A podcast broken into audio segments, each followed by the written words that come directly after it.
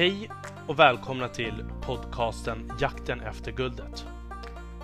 Denna podcast får ni följa mig, Armond Faltin, i min resa att hitta nya drivna vänner i jakten efter guldet. I denna jakt söker jag kunskap, nätverk och relationer. Jag kommer även dela med mig om mina egna tankar kring resan och ta upp aktuella ämnen som dyker upp på vägen. Häng med! Ingenting är omöjligt. Hej och välkomna allihopa till avsnitt 79. Oj, oj, oj. Vi har haft en ganska stillsam jul och det blir nog förmodligen en stillsam eller ett stillsamt nyår också. Dagens avsnitt så hade jag nog tänkt att prata lite om eh, ett för, spännande företag som jag tycker är väldigt spännande på så sätt att kan man verkligen bli för stor och vad händer när man blir för stor? Och Det företaget som jag tänker prata om är Ant Group. Ant Group som skulle bli världens största börsnoterade företag.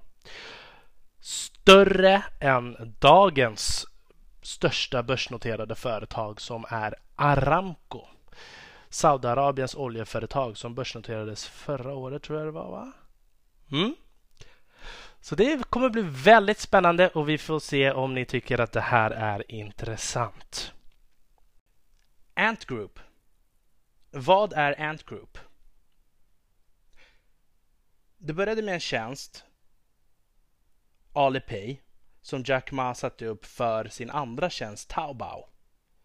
Taobao är en tjänst för konsument till konsument. Men det fanns ett problem. Problemet var att tilliten var låg till varandra i hur man skulle göra för att ta emot betalningar när privatperson till privatperson ska köpa en vara och inte riktigt vara hundra på om de skulle få rätt vara eller om de får betalt korrekt av kunden. Så att då startade Jack Ma en betalningstjänst som skulle agera mellanhand och säkerställa att allting gick rätt till. Det här blev en kontroversiell fråga eftersom allting stred emot det vanliga och det här gjorde att Jack Ma han tittade västerut och visste direkt hur han skulle agera för att sy ihop allt det här. Taobao lanserades 2013. Fem månader efter det så lanserade han en S-gross-service som gjorde att alla kunde bli nöjda och en S-gross S-gross-service är ungefär som en hyresvärd. Tänk er en hyresvärd som tar hand om alla utgifter och service kring boendet eh, och, om någonting går sönder så att allting, alla ska helt enkelt känna sig trygga i byggnaden och hyresvärden har det yttersta ansvaret. Så när det här gick igenom och det började flyta på ganska bra så gick det ganska snabbt innan de fick upp typ de fick upp uppemot 70% av alla användare på Taobao började använda den här tjänsten. Och, och, och då började man inse att det här kommer bli någonting riktigt stort. Så Alibaba la ner enormt stora resurser på att utveckla den här tjänsten, alltså den här betalningstjänsten och säkerhetstjänsten. Inte bara online utan även för offline-tjänster. Men när smartphonen kom ut så lanserade, lanserades Alipay-appen för mobilbetalning och då exploderade det här ytterligare ett steg och blev den mest populära betalningsappen i hela Kina. Och den kinesiska regeringen har ju sett allt det här hända i princip eh, mitt framför ögonen på dem. Men de hade inget officiellt sätt att reglera den här framfarten med olika officiella licenser och så vidare.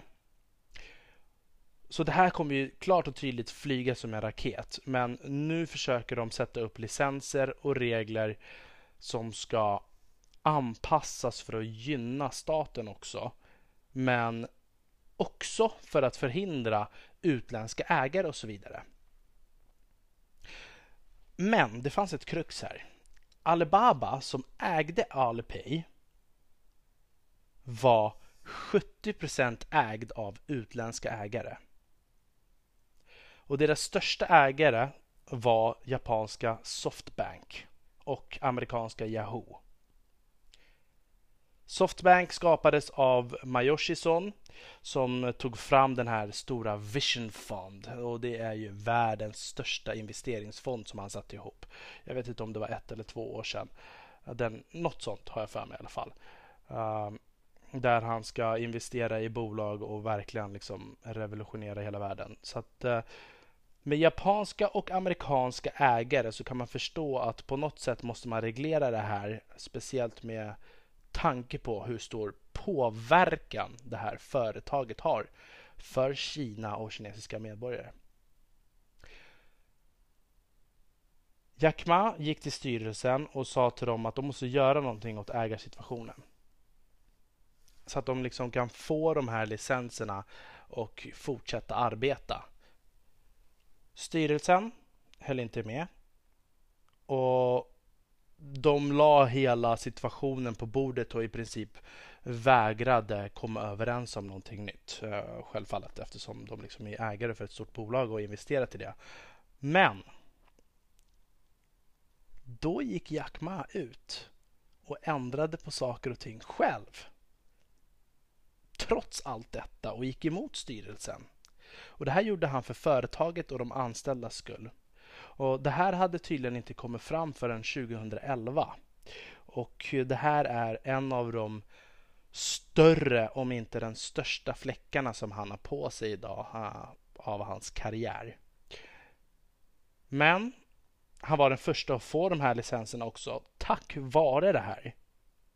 Så det var många som blev riktigt arga men också andra som blev riktigt glada. Som exempelvis anställda och det vanliga folket som kan använda sig av de här tjänsterna. Så hur ser den nuvarande ägarstrukturen ut? Nyckelhållarna ser ut som att Jack Ma och hans tidigare anställda och nuvarande anställda äger ungefär hälften tillsammans av Ant och Alibaba. Jack Mas egna andel är 8% men han har ändå den största rösten för att han har alla de andra i hans team eh, har fått deras röst också som gör han till den ensam största rösthållaren i bolaget. Och efter det här är det rätt så fragmenterat för tiden då Alipay blev sitt egna bolag så reste de pengar separat från Alibaba i mångmiljardklassen. Och de var ju redan väldigt stora och av de här så var det bland annat eh, den nationella sociala säkerhetsfonden som äger ungefär 3% Efter det så var det den kinesiska livsförsäkringsfonden som äger ungefär 1% Och sen efter det är det typ pyttesmå aktieägare utspritt över väldigt många olika delar.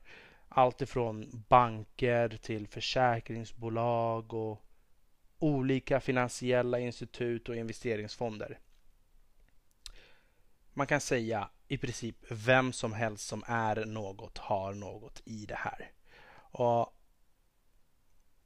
något som man i alla fall hade vetat uh, var att de tidigare anställda på företaget Snacket på stan var att när Ant Group går på börsen så kommer det göra några extremt rika. Och nu pratar vi om runt 60 personer i anställningsledet skulle bli värda minst 100 miljoner dollar. Och Det här var på den initiella noteringskalkylen som de gissade på att börsvärdet skulle ligga på. Och Det här var ju något som självklart förändrades och det visade sig att det mer ungefärliga värdet skulle vara på cirka 200 miljoner dollar. Som runt 60 personer som har tackat nej till högre lön och bytt ut mot aktier och sånt istället uh, skulle få vid en börsnotering. Så att, eh, mm, riktigt bra jobbat där. Men jag tänkte så här, låt oss prata lite om vad deras verksamhet faktiskt gör och har att erbjuda så ni ser hur företagsstrukturen ser ut. Den originella företagsmodellen Alipay är ungefär lite över en tredjedel av omsättningen. Men det är inte den snabbaste växande delen i företaget. Den har funnits med ett tag och eh, kostnaden för tjänsten är mellan 1 till 6 procent. Men i deras andra affärer där de växer som snabbast är i credit tech, investeringstech och försäkringstech. Och alla av de här tre anser Ant Group vara en del av liksom en finansiell plattform. Och då tänker man så här. Vad innebär det här? Jo, att alla de här ska vara egna digitala finansiella plattformar. Investeringstech och försäkringstech är verkligen en marknadsplats och de gör det som deras namn säger. På investeringssidan så gör de som det låter. Eh, där hjälper de dig att hitta investeringsprodukter som du kan sätta dina pengar på. Eh, på, på försäkringssidan så gör de samma sak. Du erbjuds eh, försäkringsprodukter. Kreditsidan är lite annorlunda och där ligger ungefär vinsten på omsättningen ligger på 40 procent. Och därmed är det den mest lukrativa delen av hela verksamheten, själva kreditsidan. Och där erbjuder de både krediter, lån, små företagslån och anledningen varför kreditavdelningen gör mer marginaler på det här eh, är för att de har mer lönsamma produkter helt enkelt. Och vissa av de här lönsamma produkterna är faktiskt att de tar en risk. Till skillnad från banker. Men som Jack Ma säger så är det ingen risk på grund av den datan som han har. Och då de är utlånar, utlånare och ger kapital och tar risk på ett sätt som bankerna inte hade lånat ut till, till de här personerna eller företag, för att gå in djupare på det här för att ni ska förstå tjänsterna eh, lite bättre så tänkte jag berätta lite om några olika exempel. Ett av exemplen är Yuma, Yuma Credit som är eh, Alibabas interna kreditsystem för alla sina användare och eftersom de har den här superstora betalningsverksamheten så gör det också att de har sjukt mycket data på människor och företag. Alltså, de vet vad alla handlar, hur ofta de handlar, för vilka priser. Och Det gör att de kan göra helt andra värderingar på vad det gäller inköp och betalningar. Samtidigt som kunderna, desto mer du handlar, desto mer bonusar och poäng får du. Så nu när de har kundens betalningsförmåga och livsstil. Genom att använda Juma kreditsystem så kan de ge specifika kreditlinjer och bonusar för varje enskild person. Så de har ett spenderingssystem som heter Shabay som betyder spendera bara. Ah, där kunden själv kan se sina egna bonusar, poäng och allting i deras kreditsystem. Så om du går in på hemsidan och så hittar du någonting som du vill köpa och kommer in på Alipay så ger de dig ett kredittak på en gång. Så vet du vad du kan spendera på den sidan. Och Beroende på vad du har för bonusar för tidigare kampanjer eller inköp så kan de också ge dig rabatter. Den generella kreditregeln är att betala inom 41 dagar och därefter är det cirka 15% i årlig ränta om man väljer att dröja längre. Sen har de en annan grej som heter GBay vilket betyder låna bara. Som är konsumentlån där du kan låna upp till 40 000 dollar baserat på självfallet att du fyller upp alla kraven på din profil. Och, eller så kan du poängsätta dig därifrån du har varit och hur du har agerat så de kan få en, fram en bild på hur mycket du kan låna. Och den här är inte bunden till konsumtion utan du kan ta ut det här lånet och använda de här pengarna till vad du vill. Sen har vi MyBank. MyBank är till för småföretagare, en funktion som Ant Group äger 30% av.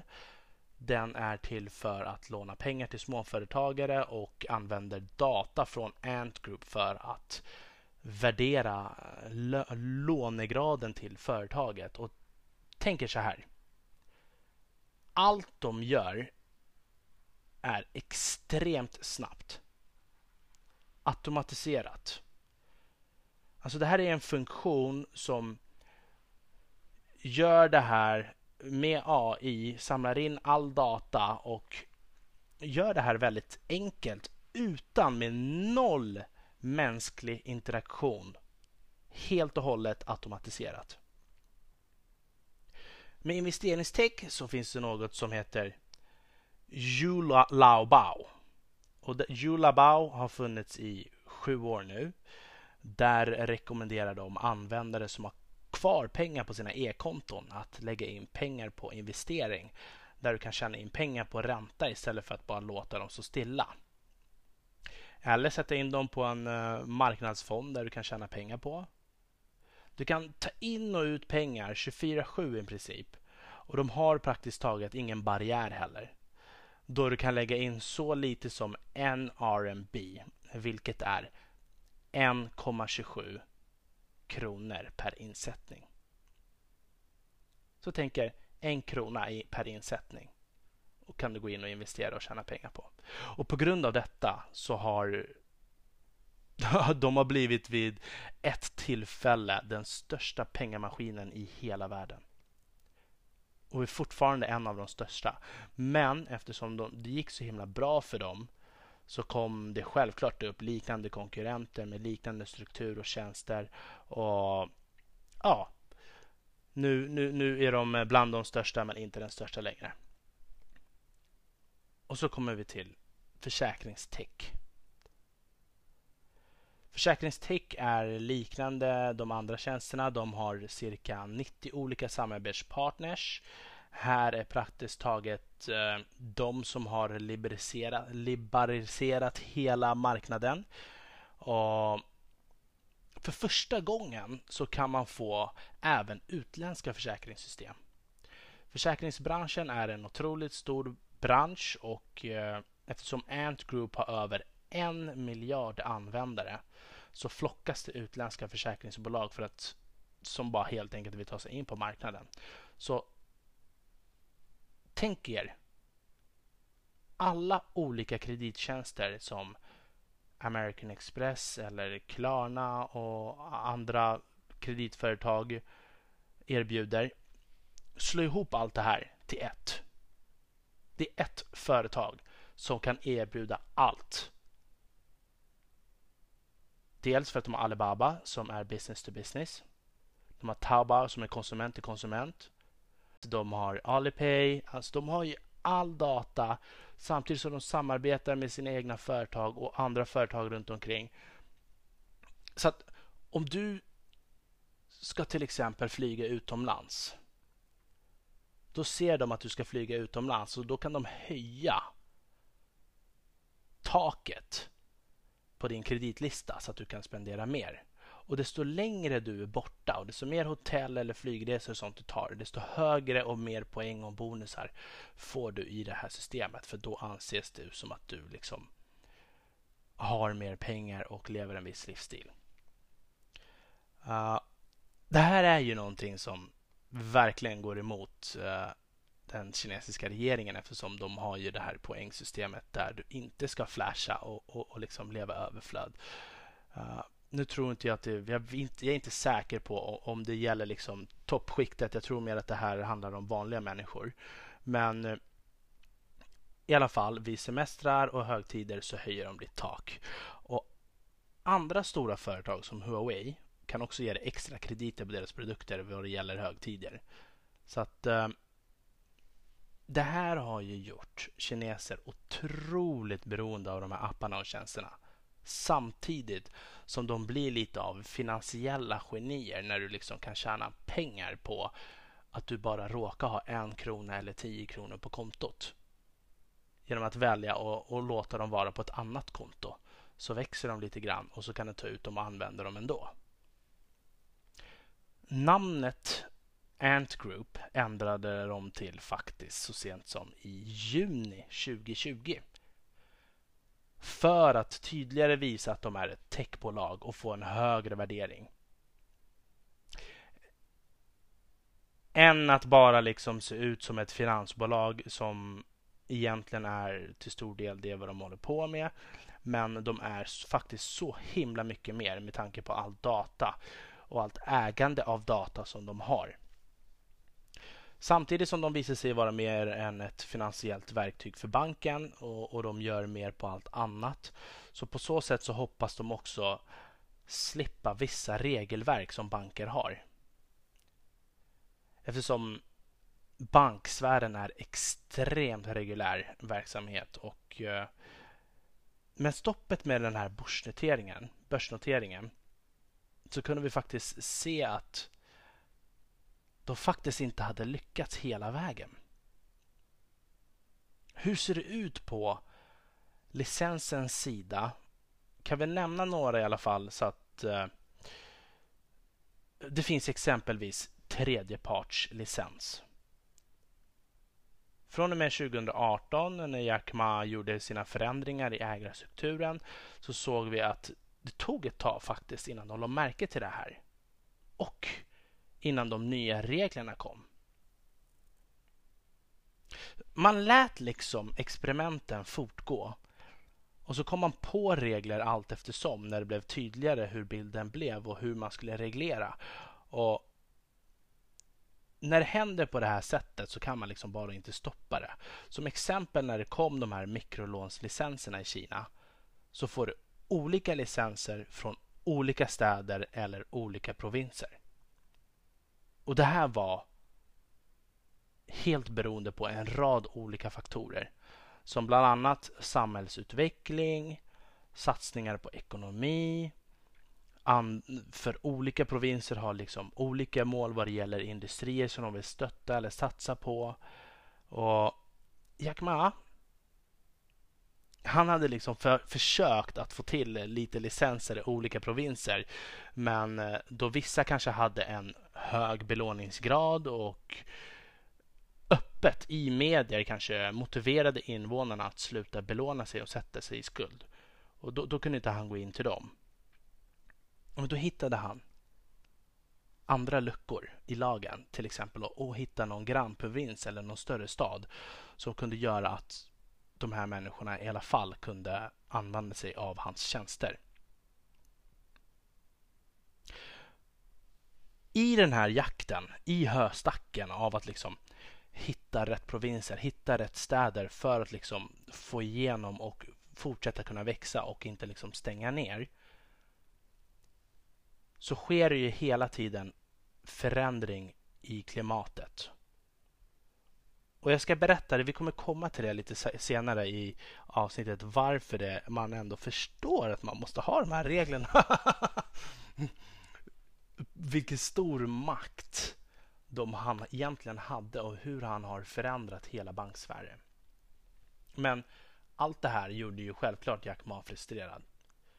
Och det fick honom att gå ut och kalla bankerna för pantbanksmentalitet, att de är uråldrade, allting tar för lång tid och praktiskt taget med det sociala poängsystemet och annars gör de det här.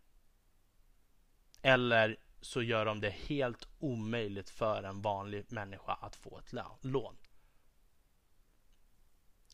Samtidigt så säger Jack Ma att han sitter på information och data som ingen annan aktör i hela samhället sitter på. Och allt är automatiserat i realtid, skräddarsytt på individnivå. Vilket gör att hans bedömningar är säkrare än banken. Och Han tycker också att bankernas sätt att hantera saker och ting hämmar utvecklingen och händer ingenting hjälper man inte de här unga att agera i omvärldens takt så kommer det liksom att skapa problem längre fram i ledet. Han säger så här. Unga idag behöver mer tillväxt och saker och ting måste gå snabbare. Det kan inte gå i samma hastighet som det har gjort för tidigare generation. Ma är en förespråkare för unga och han vill ge dem chanser, speciellt på grund av hans egna yngre dagar och att han faktiskt har varit engelska lärare. Så att han har ju verkligen varit i kontakt med unga och vet vad de behöver ha samtidigt som han lever själv alldeles mitt i det här snabbförändliga samhället. Hans fokus ligger på att reducera risk. Och det är högst baserat på just den här retoriken. Att om vi inte hjälper dem nu så kommer det kosta oss dubbelt så mycket sen. Regulatorerna ligger efter och de hämmar utvecklingen. Det här kommer slå hårt mot dagens ungdomar och mot ekonomin då allt annat rör sig i en helt annan takt. Han tillägger också att du kan inte bromsa ner en hastighet som redan är ett faktum. Inget land, ingen regering kan be sitt folk att arbeta på ett sätt som man gjorde för 40 år sedan. När allt idag redan är tusen gånger snabbare. I allt. Han gav referensen Du kan inte ge medicin till ett barn för demens när du egentligen ska ge medicin mot polio. Och det här säger han på scenen när de ska presentera Ant Group och ska bli världens största IPO och världens största börsnoterade företag. Och det här gjorde ju självfallet att många regulatorer blev arga, förolämpade och de satt ju själva i publiken på det här eventet. Och det här eventet var i år i oktober mellan den 22 till 25 oktober. Redan några dagar senare, den 24 november, så stoppade regeringen börsnoteringen.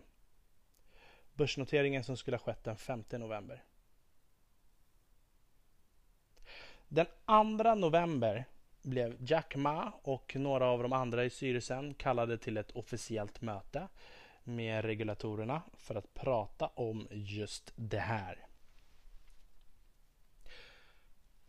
På mötet fick de direkt åtminstone tio nya regler som de måste följa. Bland annat vad det gäller mikrobelåningsfronten. Licenserna på den här fronten skulle uppgå emot 30 procent av hela verksamheten. Och det här är ju liksom saker som de tidigare lyckas klara sig undan genom luckor i, i systemet. Uh, så det låter ändå ganska självklart att man måste sätta ett stopp för det här.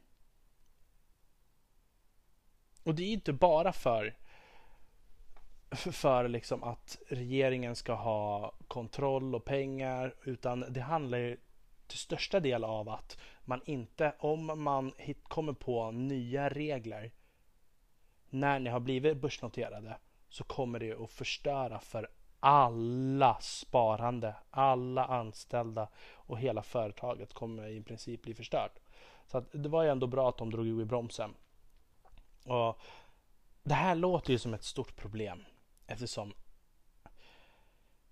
ja, det är en stor andel av deras inkomst. Men eftersom Ant Group äger all data och praktiskt taget kan och säljer lånen vidare till banker så är inte problemet så stort som det låter. De sitter på all makt med äganderätten till datan och som praktiskt taget används till alla delar i det hela finansiella systemet i Kina. I nästan alla sektorer så köper de ju data från Alibaba. Den vanliga befolkningen och kunder blev mer arga på grund av det här eh, för att det ligger i deras rörlighet och intressen. Men andra experter som känner till hur det faktiskt hade kunnat bli, de som investerar riktigt stora summor och arbetar med det här, förstår att det hade faktiskt kunnat gått för snabbt. Och, och de har ju också lagt sina synpunkter på vad det faktiskt är. Vad som liksom är huvudfrågan. Och det är, det hela gått för snabbt helt enkelt. Det är ett för nytt och komplett och fungerande system som totalt omkullkastar det gamla systemet. Det finns absolut inget det gamla systemet kan göra för att ersätta det här. Och därför så måste man komma in i det här systemet på ett bra sätt som sedan inte förstör eller förhindrar framfarten genom att man kommer på nya eh, licenser och regler som man måste faktiskt tillsätta. Mm. Så det här var väldigt hälsosamt och smart. Men eh, många säger ju också så här att om en börs, börsnotering hade gått igenom så hade tillväxten faktiskt avstannat. Den hade kunnat gått back så mycket som 25 miljarder dollar. På grund av att de måste täcka marknadstappet. Det här trots att de skulle få in 35 miljarder dollar på notering vad de estimerar. Så av den här anledningen säger vissa att de stoppade noteringen på, på grund av att de inte ville skada företaget. Om de hade kommit upp med nya regler när den är noterad. Så det är en fullt förståeligt stopp uh, om vad det är som har skett här och det är nog för allas bästa hur man än vrider och vänder. Speciellt när man skulle lista på hur Star Exchange som bara är ungefär ett år gammalt. Star Exchange är Kinas nyaste försök till att motsvara USAs Nasdaq för techbolag. Och om Ant Group skulle listas så skulle de gå ut på mer än 300 miljarder dollar, uppemot 400 miljarder dollar och då hade de enkelt varit det största företaget och förmodligen tagit uppemot 40 procent av det totala marknadsvärdet på Star Exchange. Star Exchange som idag har ett värde på 3 triljoner dollar hade förmodligen fördubblat sitt värde just på Ant Group och då hade Ant Group rusat i värde som bara den. Vilket i sin tur hade skadat både Star Exchange, Ant Group och en hel del andra marknader i Kina.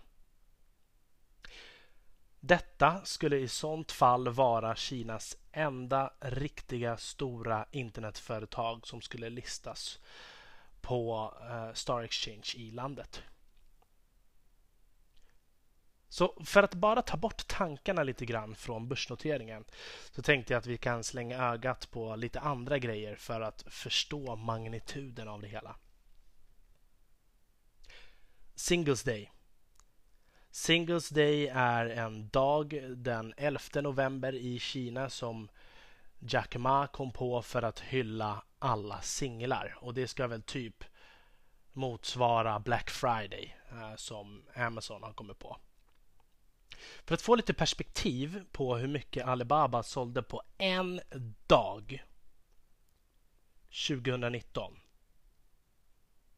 38,2 miljarder dollar på en enda dag. 2020, vilket var nu den 11 november, så sålde de för 74,1 miljarder dollar på en enda dag. 80 procent av Ant Groups användare använder minst tre produkter. 40 procent använder minst fem produkter. Så värdet av den här informationen är helt brutal. Och den här siffran har faktiskt fördubblats i år. Deras förmåga att få in nya användare och konvertera in dem till nya områden i koncernen den är helt skyhög. Och det intressanta är när man tänker på hela konceptet är att allting som Ant Group gör går praktiskt taget emot allting som Kina försöker skapa för sitt land. Om man tänker på deras bonussystem och hur du ska bete dig och hur du inte ska skryta och sticka ut och bara om du beter dig så får du åka buss, då får du flyga. Men om du överspenderar eller inte betalar dina krediter i tid, då ska du bli bestraffad. Så att allting som Jack Ma gör går emot allting som regeringen egentligen tror på. Men det här ska bli väldigt intressant att se. För samtidigt så vill jag ändå påstå att han är utan tvekan en av Kinas absolut viktigaste personer. Och det här företaget är definitivt en av Kinas viktigaste företag. Mm. Det här får nog vara allt för det här avsnittet. Vi hörs igen nästa år. Jakten efter guldet mina vänner med vänliga hälsningar Armo Faltin.